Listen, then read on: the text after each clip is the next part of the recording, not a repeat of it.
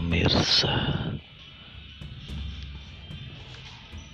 Kita akan menyelidiki penampakan-penampakan yang ada di sekitar kita. Silakan mengikuti